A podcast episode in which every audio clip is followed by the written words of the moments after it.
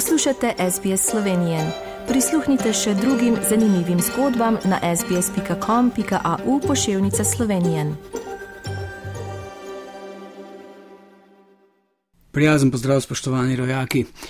Pred zdravstvenim domom Bežigrad v Ljubljani se že četrti dan zapored vije skoraj kilometr dolga kolona ljudi brez osebnega zdravnika, ki upajo, da se bodo lahko upisali k eni od dveh novih družinskih zdravnic. V Sloveniji je namreč več kot 132 tisoč ljudi brez osebnega zdravnika, zato je Ministrstvo za zdravje po vsej državi z novim letom začelo odpirati ambulante, kjer bodo upisovali nove pacijente. Razlog za to je kronično pomankanje osebnih zdravnikov, kar vodi v preobremenjenost tistih, ki še delujejo v ambulantah družinske medicine. Ministr za zdravje Daniel Bešič Loredan je s tem v zvezi v zadnjem obdobju večkrat povdaril, da bo reševanje težav s pomankanjem zdravnikov trajalo več let.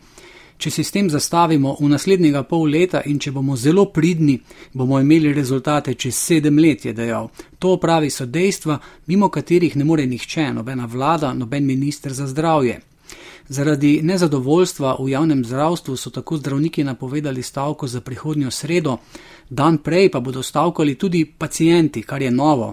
Ministra za zdravje žalosti, da v teh težkih razmerah pozivajo pacijente k stavki, ko pa je stanje takšno, kakršno je že več kot desetletje, nespremenjeno in se čez noč ne da ničesar spremeniti.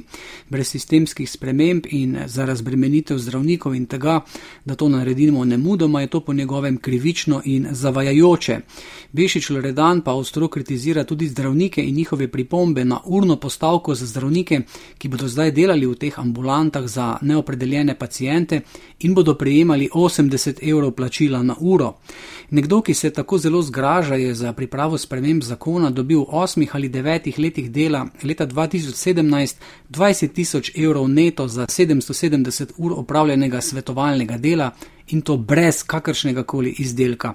Ta očitek je letel na nekdanjega zdravstvenega ministra Dušana Kebra. Stavkale pa bodo tudi pomočnice vzgojiteljic v vrtcih, ki so jim obran stopili tudi v inštitutu 8. marec.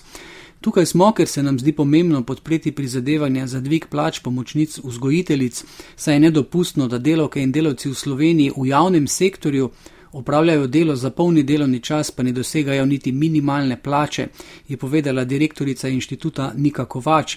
Njena sodelavka Tanja Matijevšič pa je dodala, da že desetletje opravlja delo pomočnice vzgojiteljice in da je morala zaradi nizke plače večkrat iskati dodatne zaposlitve, da je lahko plačala osnovne račune. Sistem pa jo je prosilil v konstantno izgorevanje. Poprečna plača pomočnic vzgojiteljice znaša 78 odstotkov povprečne plače vseh zaposlenih srednje šolsko izobrazbo v javnem sektorju.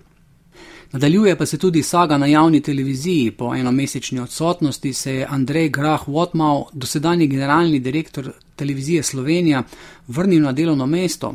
Neuradno je bil bolniško odsoten, a so njegovo odsotnost vse čas spremljali pomisleki, da se je na ta način želel izogniti glasovanju za svojo razrešitev.